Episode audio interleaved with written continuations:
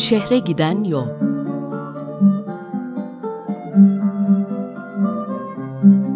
Bir İstanbul programı.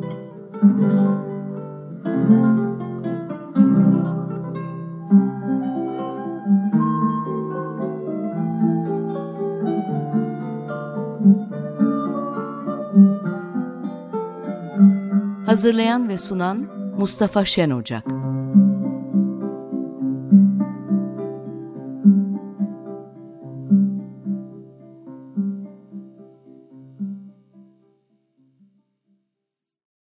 Evet, günaydın değerli dinleyiciler. Bu aslında 15 günlük gibi gözüken resmi e, sınırlar o.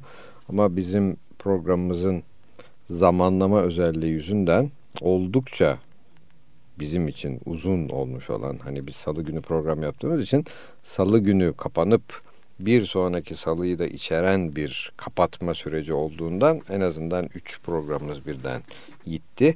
Yani biz 15 günlük bir aradan çok daha uzun bir ara sizinle karşı karşıya kalma zevkinden gerçekten yoksun kaldık ama bunu e, normal hayatta da olabileceği gibi bir yol esnasında ara gibi düşündük.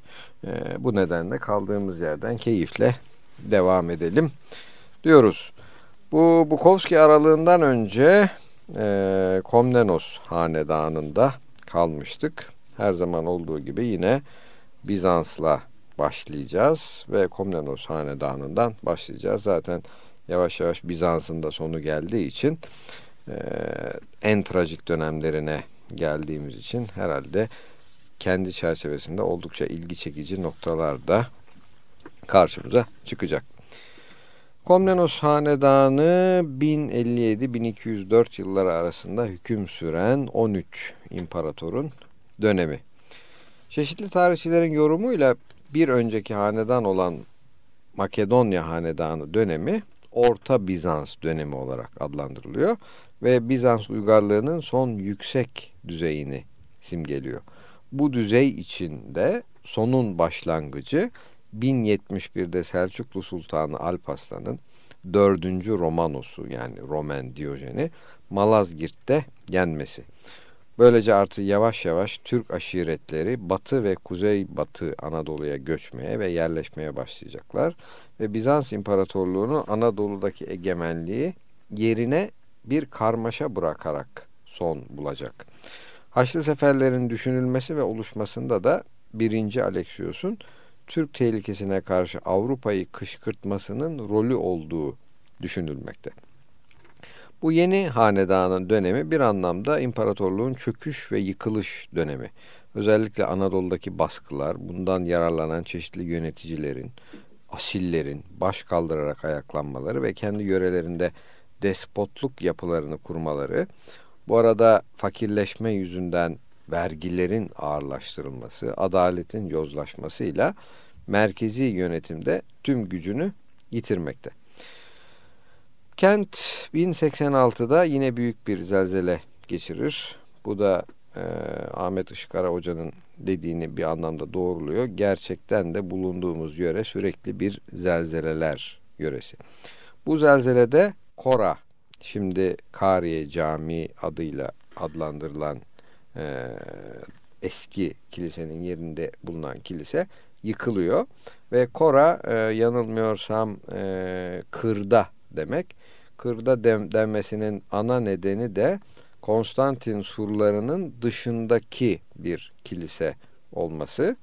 E, Kora, şimdiki Kora kilisesi yerine günümüzdeki e, mozaikleriyle de ünlü kilise yapılıyor. 1090 yılında Selçuklular Çakabey komutasında, 1091 yılında Peçenekler kenti kuşatıyorlar ama başarısız oluyorlar. 1095'te ayaklanan Kandiyelilere karşı bir başarı sağlanıyor. Hatta onların komutanı Anemas'ı hapsetmek için Ayvan Saray'daki bu imparatorluğun özel kurduğu saraylar kompleksi içine Anemas zindanı da yapılıyor. Bundan e, çok çok seneler önce e, eğitim esnasında, eğitim esnasında oralarda dolaşmak, Anemas zindanına kadar da inmek şansına sahip olmuştum. Hatta biliyorsunuz bazı tarihi Türk filmleri o Anemas zindanında çekilir. E, Cüneyt Arkın'ın da orada pek çok anısı var. E, Anemas zindanından uzanan bir özel koridorun Haliç'in altından geçip karşı kıyıya Hasköy civarına çıktığı da söylenir. Gerçekten de biz de öyle bir koridora rastlamıştık ama e, sonuna kadar gitme cesaretini açıkçası e, pek gösteremedik. Uzun süre saltanat sürebilen ve göreli olarak başarılı sayılabilecek son imparator Manuel Komnenos, Kara surlarının Blaherna tarafındaki yani Ayvansaray tarafındaki en önemli ekleri yapıyor. Buradaki sarayı genişletiyor. Aynı zamanda bu imparatorun bir önemli yapıtı da ahşap olarak inşa edilen ilk Kız Kulesi'nin yapımı. Bu hanetanlık döneminin e, kayda değer diğer önemli mimari eserleri işte 7. Mikael zamanında yaptırılan Pamma Christos Kilisesi, günümüzde Fethiye Camii olarak adlandırılan yer. İkinci Yones'in karısı İren'in yaptırdığı ve günümüz Zeyrek'teki Pentokrator kompleksi 1125 yılında yapılmış. Bu Pentokrator kompleksinin içinde sayıyorum bir manastır, iki kilise, bir hastane ve bir yaşlılar evi var. Bizans gerçekten de bu tür hastanelere ve yaşlılar evine son derece önem veren bir anlayış e, içeriyor. Bu dönemin bir ilginç tarafı da İtalyanlara giderek daha fazla özel ticari haklar tanınmasına devam edilmesi. Hatta 1. Alexios Venediklileri gümrük vergilerinde muaf tutup günümüz Eminönü un kapanı arasında yerleşmelerini sağlıyor. Latinlerin böylesi haklara sahip olarak kent içinde zenginleşmeleri ve Haçlıların baskılarıyla Doğu ve Batı kiliseleri arasındaki uçurum giderek açılıyor. Halkta da yabancılara karşı düşmanlık giderek yoğunlaşıyor. Bu bağlamda Andronikos Komnenos tahtı ele geçirmek için 1180'li yıllarda bir karışıklık çıkartıyor. Bu karışıklık esnasında da evdeki bütün Latin evle kentteki bütün Latin evleri yakılıyor, yıkılıyor. Yakalayabildikleri tüm yabancılar katlediliyor halk tarafından.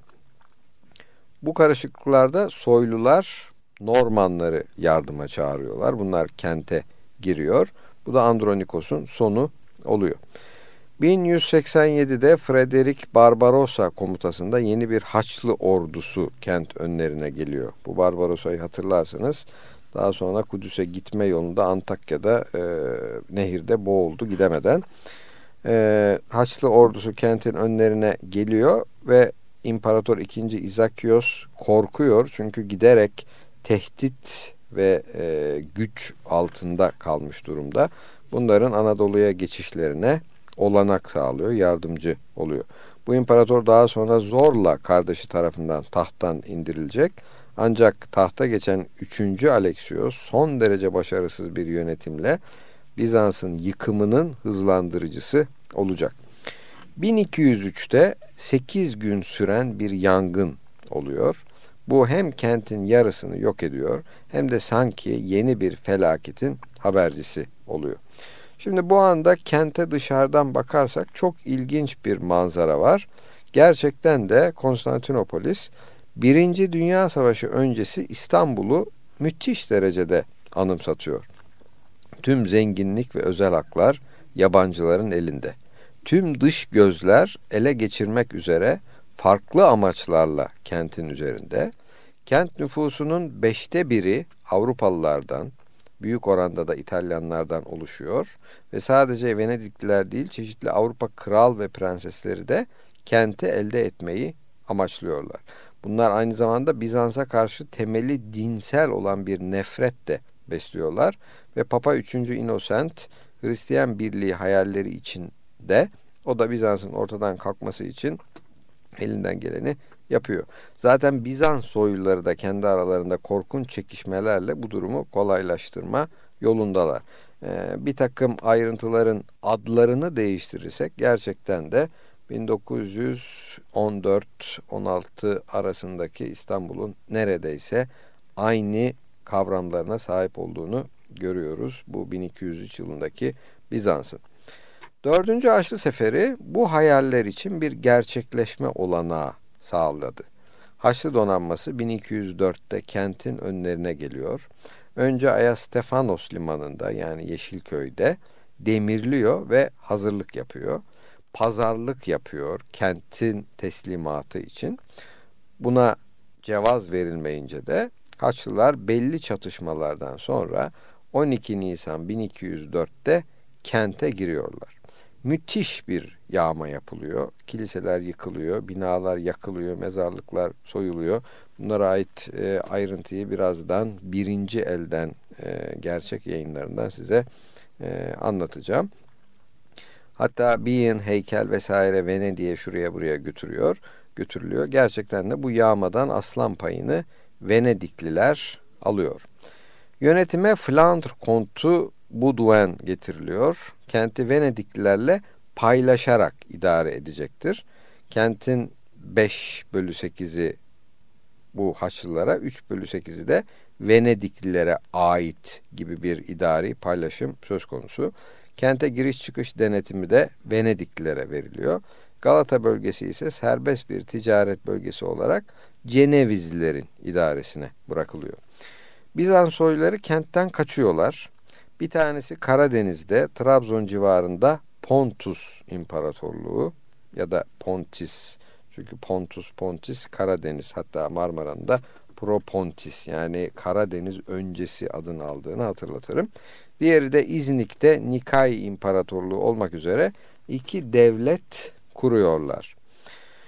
1204-1261 yılları arasında Konstantinopolis'te artık bir Bizans yok, Latin İmparatorluğu hüküm sürecek ve bu dönem herhalde kentin en kara günlerini geçirdiği bir dönem olacak. Evet ilk aramızı verelim ve İstanbul'a ait keyifli bir şeyler dinleyelim. Kadife'den Kesesi. Biraz evvel e, belirttiğim gibi birinci elden yani Haçlıların Konstantinopolis'i ele geçirmesi esnasında orada bulunanların, gözlemleyenlerin söylemlerinden olayın vahametini aktarmayı uygun gördüm. Bu yayının alındığı kitap Doğan Kuba'nın İstanbul'la ilgili gerçekten e, çok büyük emek verilerek hazırlanılmış olan kitabı Bir Kent Tarihi. Türk Ekonomik Toplumsal Tarih Vakfı yayını 1996 yılında yayınlanmış. Gerçekten herhangi bir şekilde ister keyfi ister amatör profesyonel her tür İstanbul'la ilgilenenin mutlaka elinde bulunması gereken bir yayın olduğu kanaatindeyim. Dördüncü Haç Seferi'nin tarihçisi ve Venediklilerle Haçlı ordusunu Bizans başkentine ulaştırmak üzere yaptığı anlaşmada ganimetlerin yarısının Venedik'e verilmesini şart koşan Haçlı komutanlarından Goffrey Wilhardwin, Haçlıları taşıyan filonun boğaz girişine geldiğinde içindekilerin şaşkınlığını şöyle anlatmaktadır. Şimdi bilesiniz ki Konstantinopolis'i daha önce hiç görmeyenler kente büyük bir istekle baktılar. Çünkü dünyada böylesine zengin bir kent olacağını hiç düşünmemişlerdi ve kenti çepeçevre saran yüksek surlara, güçlü kulelere ve zengin saraylara ve kendi gözleriyle görmeyen kimsenin inanamayacağı kadar çok büyük olan kiliselere baktılar. Bu kent büyüklüğüyle bütün öbür kentlerin çok üstündeydi. Haçlılar 12 Nisan 1204'te kente girdiler. Son saldırıdan önce Haçlılar yine e, birinci elden aktarıma göre kendileriyle Bizanslar arasındaki yapıları yani kıyıdaki tüm yapıları ateşe verdiler ve alevler kente sıçradı ve korkunç bir yangın başladı. Bütün gece ve ertesi gün gün batımı duasına kadar yanmaya devam etti. Bu Frankların buraya gelmesinden beri üçüncü yangındı ve kentte Fransız krallığındaki en büyük üç kentteki evden daha çok ev yandı. Olaylara doğrudan doğruya tanık olanlardan Runciman kentin yağmalanmasını şöyle anlatıyor. Konstantinopolis antik Yunan'dan kalan sanat yapıları ve kendi üstün ustalıklarının ürünü olan başyapıtlarla doluydu. Venedikler böyle şeylerin değerini biliyorlardı. Nerede bir hazine buldularsa onu kendi kentlerindeki bir meydanı ve kiliseyi ve sarayı bezemek üzere alıp götürdüler. Ama Fransızlarla Flamanlar yok etme arzusuyla yanıp tutuşuyorlardı. Naralar atarak sokaklara ve evlere saldırdılar. Parlayan her şeyi kaptılar ve taşıyamayacaklarını yıkıp kırarak ancak birini öldürmek ya da birinin ırzına geçmek ya da içki içmek için şarap mahzenlerini yağma ettiklerinde mola verdiler. Ne manastırlar, ne kiliseler ve kütüphaneler bu yağmadan kurtulamadı. Sarhoş askerler Ayasofya'da bile kutsal kitaplarla ikonaları ayaklarıyla ezerken, ipek perdeleri yırtarken ve gümüş ikonastasisi parçalarken görebilirdiniz. Askerler sunak kaplarından içerek sarhoş olurken bir fahişede patriğin tahtına oturmuş açık saçık bir Fransızca şarkı söylüyordu. Manastırlarda rahibelerin ırzına geçirmiş, saraydan kulübelere kadar her türlü mesken tecavüze uğrayarak yağmalanmıştı. Tüyler ürpertici yağmalama ve katliam sahneleri bu çok büyük ve güzel kent yerle bir edilinceye kadar günlerce sürmüştü. Yağmadan sonra elde edilen ganimetler sayılamayacak kadar çoktu. Altın ve gümüş kaplar ve taşlar, sırmalı ipekliler ve dokumalar, giysiler, ermin kürkler ve yeryüzündeki en seçkin her şey. Ve Champagne Mareşali Geoffrey Villehardouin dünya yaratıldığından beri hiçbir kentten bu kadar çok ganimet elde edilmediğine kendi gözleriyle tanık oldu.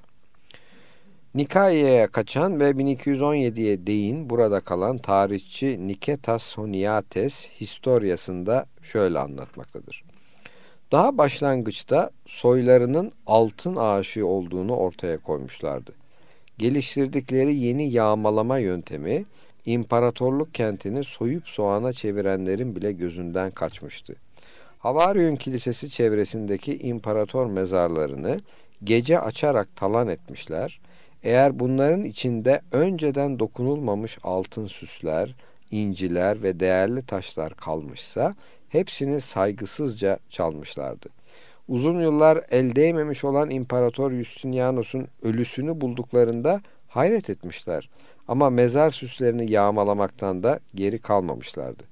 Bu batılıların elinde ne canlılar ne de ölüler kurtulabilmiştir denilebilir.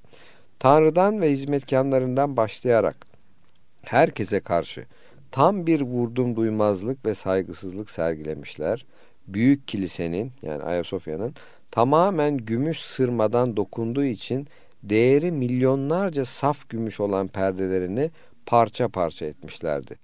Barbarların hırsı durmak bilmediğinden yine de para peşindeydiler.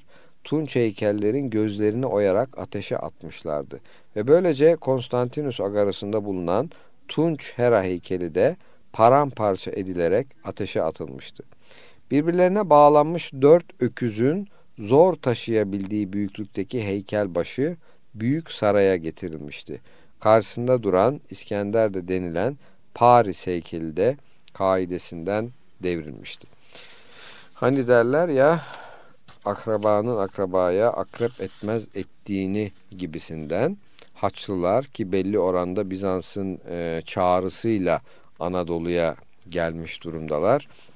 Bizans'ı bu hale getirip 57 sene e, herhalde kentin o ana dek yahut da tarihinde görüp görebileceği en korkunç dönemi yaşatmışlar.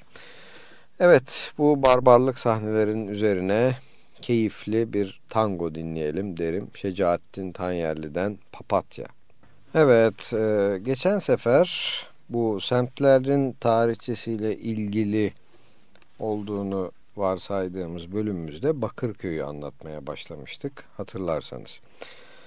Fakat bu Monsieur Bukowski'nin e, nedeniyle gündeme gelen Türk e, ahlaksal değerler vesaire kavramları çerçevesinde aklıma e, belki yararı olur diye bu kavramların daha iyi oturması açısından başka bir konuya değinmek geldi. Şimdi e, herhalde yöneticilerin, şerifin vesaire gözlerinin açıldığını hisseder gibi oluyor. Merak edecek bir şey yok. Çünkü tamamen legal bir şeylerden e, söz edeceğiz. E, hatta bu legal şeyleri derlediğim yayınların bir tanesi son çıkan İstanbul Ansiklopedisi Kültür Bakanlığı'nın e, katkısıyla yayınlanmıştır. Öteki de zaten her zaman kendisinden yararlandığımız e, Reşat Ekrem Koçu'nun İstanbul Ansiklopedisi. Reşat Ekrem Koçu da zaten e, nevi şahsına münhasır bir İstanbul beyefendisiydi. Dolayısıyla yazdıklarının içinde herhangi bir şekilde e, Türk ahlak anlayışına ters en ufak bir kelime ya da kavram olması zaten beklenmez. Dolayısıyla e, ben herhangi bir şekilde bir sorun çıkacağını aklımın köşesinden dahi geçirmiyorum. Kaldı ki değineceğimiz konu zaten hayatın, e, Türk ailesinin e, yahut da Türk aile öncesinin bir gerçeği. O da genel evler. Yani İstanbul'daki genel evlerin tarihçisine bir kısaca değinmek içimden geldi nedense bu Monsieur Bukowski e, olayından sonra. Efendim e, Koçu'nun İstanbul Ansiklopedisindeki tanıma göre genel ev içinde vücudunu satan ve müşterisi bulunabilecek yaşlarda bulunan kadınların zabıta nezareti altında fuhuş icra ettikleri evlere son yıllarda verilmiş isim. Önceleri umumhane denilirdi geceleri kapılarında bir kırmızı fener bulundurma mecburiyeti konulduğundan halk ağzında kırmızı fener de denilirdi. Zamanımızda hane berduşlar arasında banka, bekar uşaklar arasında da argo deyim olarak genel ev karşılığı mektep, üniversite isimleri kullanılmaktadır. Genel evlerde fuhuş icra eden kadınlara sermaye, evi işleten ve mutlaka mutlaka demeyelim çünkü öyle olmayanlar da mutlaka vardır. Sermayelikten gelme yaşlıca, yaşlı kadınlara da mama denilmiştir. Nefsi İstanbul tarafında yani Bizans dediğimiz eski İstanbul tarafında hiçbir zaman genel ev açılmamıştır. O tarafta içinde fuhuş icra edilen evler zabıta kontrolünden kaçmış gizli evler zamanımızın tabiriyle randevu evi yakın geçmişin tabiriyle de koltuk olmuşlardır. İçlerine gizli girilmiş, gizli eğlenilmiş ve içinden gizli çıkılmıştır. İsimleri İstanbul tarihine geçmiş şöhretli kadınlar vardır. Ee, bu tür evler, şimdi e, Koçu dışında kendi yorumlarımı ekleyeyim. Bu tür evler gerçekten de e, Suriçi İstanbul'un da e, da olsa son derece azdılar illegal olsalar bile. Bizans döneminde bu tür e, yerlere ağırlıklı olarak Galata tarafında e, rastlanıyordu. İlk genel evler 2. Sultan Abdülhamit devri sonlarında ilginç değil mi? Yani Sultan Abdülhamit hani Kızıl Sultan dedikleri 2. Sultan Abdülhamit döneminde Beyoğlu'nda Yeni Çarşı Caddesi'nde ve o caddenin ara sokaklarında açılmış. O cadde ve sokakların Mektebi Sultaniye yani Galatasaray Lisesi, Lisesi dediğimiz bugünkü okula yakınlığı mahsurlu görülmüş. Dolayısıyla genel evler yine Beyoğlu'nda Abanos sokağına nakledilmişler. Galata'da ilk genel evler yüksek kaldırımda Horos sokağında, Zürafa sokağında, Karaoğlan sokağında, Şeftali sokağında, Ara Boğulan sokağında Sonuç sokağın birer kavşağı Kemeraltı Caddesi'nde bulunduğundan o sokaktaki evlere Kemeraltı evleri denmiş. Yine Galata'da sermayeleri kötü genç erkekler olan birkaç genel evde Hamam Sokağı'nda açılmış. Onlara da Hamam Sokağı evleri denmiş. Ancak bu son evlerin faaliyeti çok kısa sürmüş. Zamanımızda, zamanımız dediği Reşat Ekrem Koçu'nun 1960'ların sonu Abana sokağındaki genel evler kaldırılmış bulunmaktadır. Zürafa sokağı yine bir genel evler sokağıdır. Sokağın alt ağzı kapatılmış, evlere giriş ve çıkış için yalnız Alageyik sokağındaki kavşak bırakılmıştır. Bu 1970'de 45 ev bulunmaktaymış. Müslüman gençlerin fuhuş icrasından sonra boy abdesti alabilmelerini kolaylaştırmak için olduğunu sanıyoruz. Zürafa Sokağı'na yakın bir yerde de Yeni Hamam adında bir de hamam açılmış. Genel evler açıldıklarından bu yana iki tür misafirlik ola gelmiş. Biri beğenilen sermaye ile görüşüp gitmek, biri de gece yarısı misafirliği. Birinci, belediyece konulan bir nar ve mürüvvetten verilen bahşiş karşılığı ile, ikincisi de belediye narhından mada özel bir pazarlıkla ola gelmiş. 1970 narhı 20 lira imiş. Evet. Geçen asrın sonlarında Galata sokaklarındaki genel evlerin misafirlerinin çoğunluğu ayak takımından yalın ayaklı, yarım pabuçlu bekar uşakları, hamallar, kayıkçılar, hamam dellak ve natırları, fırın işçileri, İstanbul'da bekar hayatı yaşayan askerler, bir efendi kapısında çalışır uşaklardı. Bazen onların içinde öylesine yakışıklı ve dilber gençler bulunurdu ki kendisi de bir bedbaht olan sermaye genç kadın ona aşık olur, delikanlıyı dost tutar, cebine para koyar ve giydirip kuşatırdı. Bazen de aksi bir kabadayı bir bedbaht kadının belalı aşığı olur. Orada çalıştığı halde kıskanır, kıskançlığını kadını öldürmeye kadar götürürdü. Bazen de bir paralı genç umumhanede tanıdığı kadına aşık olur, kese gücüyle onu mamanın elinden kurtarır, tövbekar eder, bir ev tutar, refah içinde yaşama imkanlarını sağlardı. O gibilerde erbabı arasında çıkartma denirdi. Yani genel evden çıkartılmış ve normal yaşama aktarılmış kadınlara demek ki çıkartma deniyor. Bu bağlamda hani e, bunların e, kullanıcıları olarak biraz evvel ayak takımı, yalın ayaklı, yarım pabuçlu bekar uçakları vesaire geçmişti ya.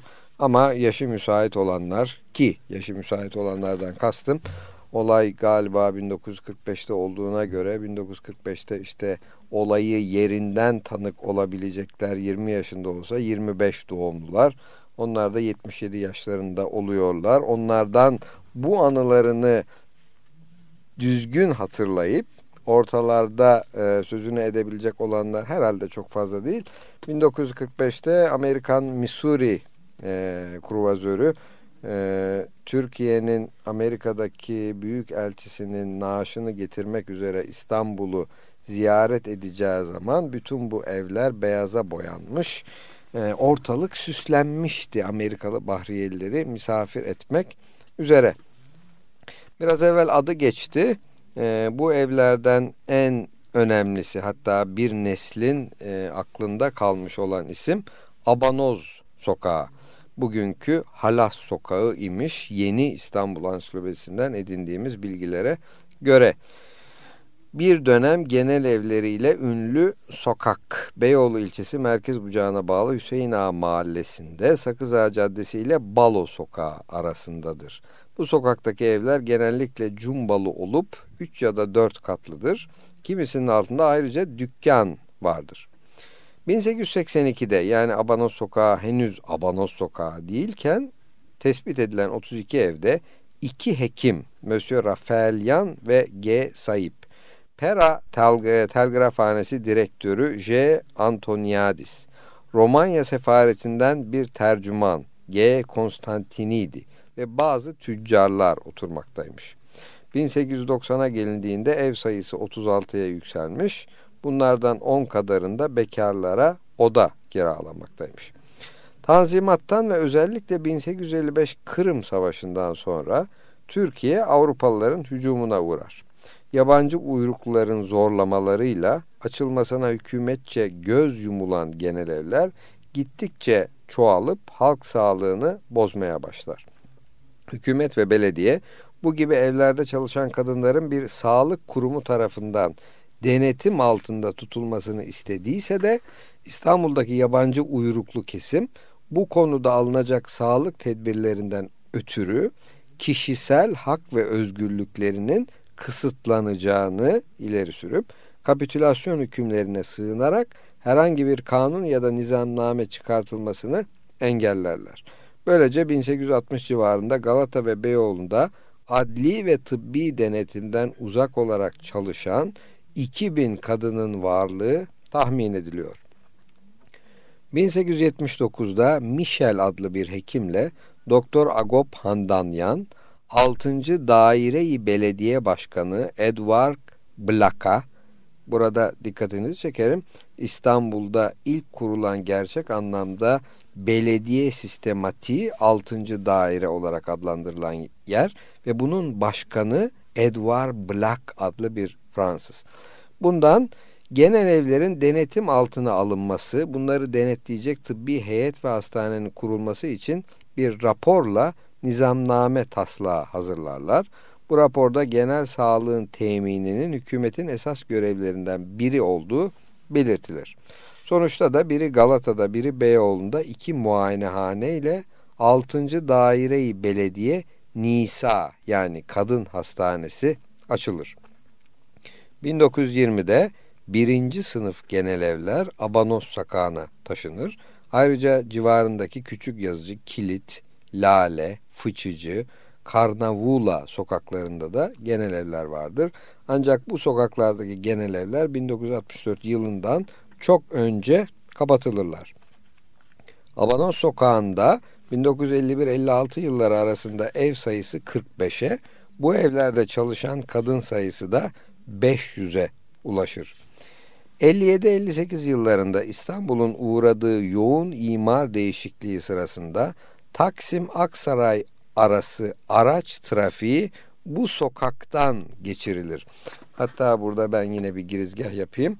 Ee, Aziz Nesin'in bu çerçevede yazılmış olağanüstü sevimli bir öyküsü vardır. Ee, bir dolmuş arkada bir kadıncağız işte 8-9 yaşlarında kızı ve diğer dolmuş sakinleriyle bu sokaktan geçmektedirler. Ee, çocukcağız kapıların önündeki yarı çıplak kadınlara bakıp sorular sorar gayet doğal olarak bir çocuk merakıyla anne burası neresi diye. Anne de işte e, yok tiyatro yok dans yeri vesaire der. E, şoför kendi çapında çok daha özgün açıklamalarda bulunur. Gerçekten müthiş keyifli bir öyküdür. Şu anda hangi kitabından olduğunu anımsamıyorum ama eğer bulunursa e, hakikaten e, okunulmasından çok sevimli bir keyif alınacak bir e, öykü olduğunu hatırlatayım. 1960'tan sonra kimlik kontrolünü sağlamak için sokağın her iki ucuna duvar örülerek birer kapı konur. 25 Şubat 1964 gecesi İl Zührevi Hastalıklar ve Huşla Mücadele Komisyonu'nun 17 Ocak 1963 tarihinde almış olduğu kararın Danıştay tarafından tasdik edilmesi üzerine Galata dışında tüm genel evler kapatılır. Beyoğlu'nun 45 yıllık mazisi olan Kiralı Kızlar Sokağı Abanoz'daki kadınlar son günlerini matem günü olarak ilan edip odalarına müşteri almayarak zil zurna sarhoş oluncaya kadar içerler ve bir devir, Abanoz Sokağı devri böyle kapanır. Evet, e, belki tuhaf, belki ilginç ama en azından İstanbul'da belli yaştaki erkeklerin hayatında mutlaka ve mutlaka dolaylı ya da doğrudan e, bir etki etmiş bir kurumun çünkü legal bir kurum, kanunu bir kurum, e, kurumun tarihçisine kısaca değindik. Şimdi Tatyos Efendi'den Kürdili Hicazkar Saz Semaisi dinleyerek bir ara verelim. Son bölümlerimizde biliyorsunuz Yine Koçu'nun derlediği İstanbul'un çeşitli ayak esnafı, seyyar satıcıları vesaireden e, tipler sunardık. Bugün de bir iki tane sunmak istiyorum. Bunların bir kısmı hemen hemen hiç kalmadı yine. Bazıları da olağanüstü ender karşımıza çıkıyor. İlk tip fodulacı, fodlacı. Bunlar e, kuskusçuların yakınında hemen omuz başlarında yine sehpalar ve üzerinde tablalar ve sıtma görmemiş sesleriyle fodla, fodla avazeleriyle ortalığı uğuldatırlarmış. Genellikle Anadolu'nun ötekiler gibi Kastamonu vilayetindelermiş. Fodla peynirli pideyi andırır ama peynirsiz, yağsız, pide gibi ince ve yufkadan, ekmeğin kaba, esmer mahlut undan pişirilmesi imiş. Sabahın ayazını da yerse köseleye dönerlermiş ve fodlacılar ya da fodulacılar üst üste koydukları fodların, fodlalarını, özel pidelerini kuskusçuların yanında satarlarmış. Bir diğer tip halı seccadecilermiş. Bunlar hala e, bazen bazı semtlerde, bazı kahvelerde karşımıza çıkabiliyorlar. Hemen hepsi Anadolu fakat Hin oğlu Hin adamlardır diyor koçu. Bir halı seccade veya kilim omuzlarlar. Otel kıraathanelerini, sirkeci balık pazarı meyhanelerini dolaşırlar. Bilhassa akşamın alacak karanlığıyla geceyi tercih ederler. Haydi gördes bir tane kaldı uşağın diye bağırırlar. Müşteri çıkanın alakasına, keyfinin derecesine, kılığına, kıyafetine, içki masasının muhteviyatına göre bir şeyler isterler. Buradaki yazı 300 lira, 200 lira. Bunu söylediğim zaman komik geleceği için söylemedim. Pazarlık kapısı açılınca sen de bir şey ver bakalım beyim diye ısrarla dururlar. Eğer istediğinin yarısı verilirse bu müthiş adamlara bulunmaz kelepirdir. Al güle güle kullan diye verirler. İstanbul Ansiklopedisi adına bir etüt için yapılan çeşitli pazarlıklarda ilk ağızda 300 lira istenilen bir seccadeye 25 lira, 200 lira istenilen bir kilime 12,5 lira verilerek satın alındığı gözlenmiştir. Olağanüstü. E, dolayısıyla halkımızın pazarlık etme alışkanlığının bu uçurumsal düşüşler yüzünden olduğu da iyi kötü anlaşılıyor. Bir başka özel tip artık hemen hemen hiç gözükmeyen bir özel tip ise hallaçlar. Bu hallaçların istisnasız hemen hepsi Karadeniz yalısı uşaklarıdır. Büyük şehri semt semt dolaşanları da çalak yapılı sırım gibi adamlardır. Hırpani kıyafet alameti farikası gibidir.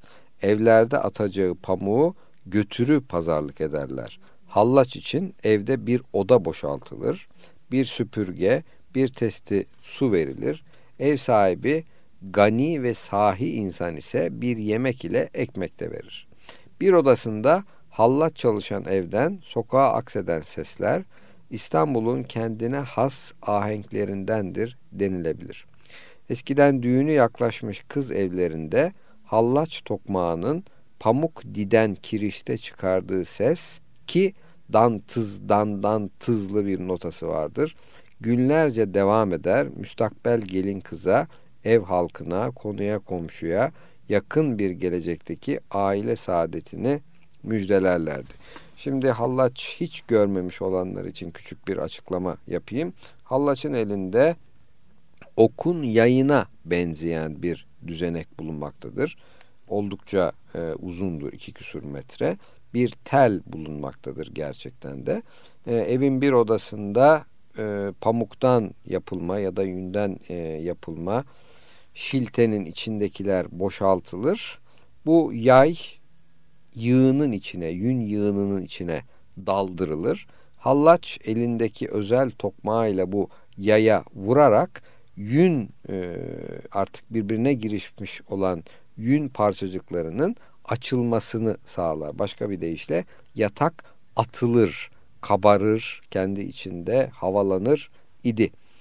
İstanbul'da sık görülmüş vakalardır. İhtiyar sinirli kaynanalar eve gelin girdikten sonra hallaca yataklarını attırmaz olurlar. Eve ne zaman hallaç gelse onların da inat ve ısrarı artar. Nihayet gelin kaynanasının gece yarısı misafirliğine gitmesini fırsat bilir. Kapıdan geçen bir hallacı çağırıp kaynanasının yatak şitelerini, yorgan yastıklarını attırır. Bir cemile olmak üzere pufla gibi yatağını yapar hazırlar. Fakat kaynana döner dönmez feryadı figanı basarak şırak şırak düşer düşer bayılıp ayılır. Kadıncağızın şiltesi içinde bir gül yüzüğü, tek taş küpeleri, birkaç beşi birliği ve cenaze parası olduğunu öğrenince gelin de fenalık geçirir. Zabıtaya müracaat edilir, edilir ama hallaç uşağını koydunsa bul. Yüzlerce hallaçtan hangisi? Gelin elin herifine alıcı gözle bakacak değil ya. Evet son olarak da hassacı ve patikacılardan, patiskacılardan bahsedelim istiyorum. Patiska malum hasseye gelince Hindistan'ın Madras eyaletinde Madapolam şehrinde çıktığı için Avrupalıların Madapolam, İstanbul hanımlarında hanımlarının da Madam Pol dedikleri pamuk bezinden bir nevi kalın patiskaymış hassa ya da hasse.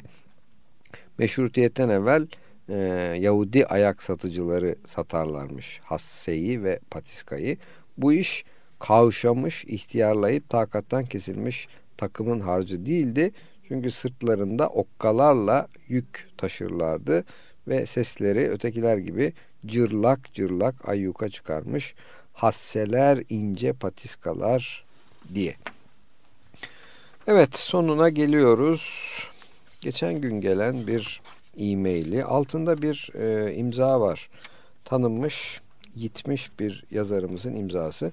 Ancak içindeki ipuçlarından ben bu yazının gerçekten ona ait olduğuna ilişkin e, kaygılar taşıdım. Dolayısıyla imzayı söylemek durumunda değilim bir yanlışlık yapmayayım diye. Ancak e, gerçek yazının ona ait olduğunu ya da başkasına ait olduğunu e, nesnel olarak bildirecek birisi varsa o zaman imzayı söylemekte hiçbir sakınca görmeyiz gelecek programda. E-mailin başlığı dizimdeki yara izleri şanslı ve sakar bir çocukluk geçirdiğimin göstergesi. Yaşı yeterince olgun olanlar hatırlarlar. Evvel zaman içinde, kalbu zaman içinde çok güzel bir ülkede mahalleler varmış. Bu mahallelerin çocukları birbirlerini çok severlermiş. Dışarıdan gelen parolalı bir ıslığa uçarak aşağı iner, beraber olacakları anları iple çekerlermiş. Kavga etseler de kin tutmaz, her gün yeniden dünyalar kurarlarmış. Herkesle paylaşma duygusu, sevgi ve arkadaşlarını kollama duygusu yavaş yavaş gelişirmiş. O zamanlar çocuklar okula servisle değil, köşe başında buluşarak giderlermiş. Onların yolunu gözlemezmiş evdeki bilgisayar, şehrin en iyi dershanesi, hazırlık kursları. Bilmezlermiş hamburgeri, MTV'yi, interneti, cep telefonunu, Tetris'i, Nintendo'yu. Bilirlermiş duvarların üzerinde sohbet etmeyi, hatıra defterleri doldurup sevgililer keşfetmeyi, bilirlermiş horoz şekercisini, elleri kirli macuncunun tornavidayla koyduğu rengarenk macunları, eve gitmeyi unutmayı, hava kararınca dayak yemeyi, sonra bir ıslıkla tekrar aşağıya kukalı saklambaca kaçmayı. Bilirlermiş o hakkında türlü şeyler söylenen evdeki garip adamdan korkmayı, küsmeyi, aynı kıza asılmayı, torbalarla misket toplamayı, gıcır köstek ayırmayı, değiş tokuşu, kaybedince kaprisi, Teksas'ı Tom Mix'i, konyakçının dişlerini, iç içe konan naylon topları, taştan kale direklerini, üç korner bir penaltıyı. Üzerine apartman yapılan top sahalarını, sonra o apartmana taşınan yeni dostları ve onları kapma yarışını, otobüsteki biletçinin lastik silgi sarılı kalemini, yoğurtçuyu, kalaycıyı, hallacı, evlerin arkasındaki odun kömür depolarını, yakar topun yakışını, mantarlı gazoz kapaklarını, yaldız kazımayı, yandaki mahalle ile alınan kavgayı, her kavganın çıkardığı kahramanı, ödleyi, kan kardeşliğini, ip atlama, lastiğe basma, topaç virtüözlüğünü, çelik çomağı, kırılan camları, toplanan paraları, açık hava sinemalarını, frigo buzu. Sonra zamanla bu güzel ülkede durumlar değişmeye başlamış. Yaşlar ilerledikçe bu birliktelik, koruma kollama duyguları bu mahallenin çocuklarının başlarına çok işler açmış. Daha sonra işsizlik, hayat pahalı, enflasyon, köşe dönme, adamını bulmamalı götürme falan derken herkes yüzünde soluk bir bakış, içinde hayatın yenilgisi, çaresizlikleri, tatminsizlikleriyle baş başa kalmış. Çocuklar mı? Çocuklar şimdi koca koca apartmanlar arasında nefes alınmaz bir havada, evlerinde, sanal bir dünyada, emniyet içinde ve yalnız yaşıyorlar. Anneleri babaları onları çok seviyor. Beta kapmasınlar diye kalabalık ortamlara hiç sokmuyor. Hafta sonları hep beraber karum ya da galeriyadalar. Okul servisleri çocukları neredeyse yataklarından alıyor. Çocuklar trafik kaygısıyla köşedeki markete dahi gönderilmiyor. Babalar şirketlerin bilançolarını, çocuklar da dershane reytinglerini izliyorlar. Hepsi birer test uzmanı, sayısal sözel yuvarlanıp gidiyorlar. Seksek oynamayı değil ama taban puanları çok iyi biliyorlar. Hayata açılan pencereleri Windows 95-98. Onlar ekrana, ekran onlara bakıyor ve koca bir hayat dışarıda akıp gidiyor. Ve şehrin dışında ağaçlar, tırmanacak, salıncak kuracak, kalp kazıyacak mahalle çocuklarını bekliyor. Paylaşmayan, yalnız, bencil, kafesler içinde gürbüz, güvendeki çocukları. Hiç sopa yememiş, ağaçtan düşmemiş, topu yandaki bahçeye kaçırmamış, dizlerinde yara kabukları olmamış çocukları. Evet, bugünlük veda ediyoruz. Telefon 296 23 89'dur. Ee, erişim e-mail açıkradyo.com.tr'dir. Son parçamız Tangerine Dream'den Le Park adlı e, CD'lerinden Zen Garden. Bu parçayı özel olarak dinlemenizi öneriyorum. Çünkü herkesin içinden kendi anılarına dalıp gideceği notalar bulunabileceği kanaatindeyim. Yeniden görüşüne kadar hepinize sağlıklı günler.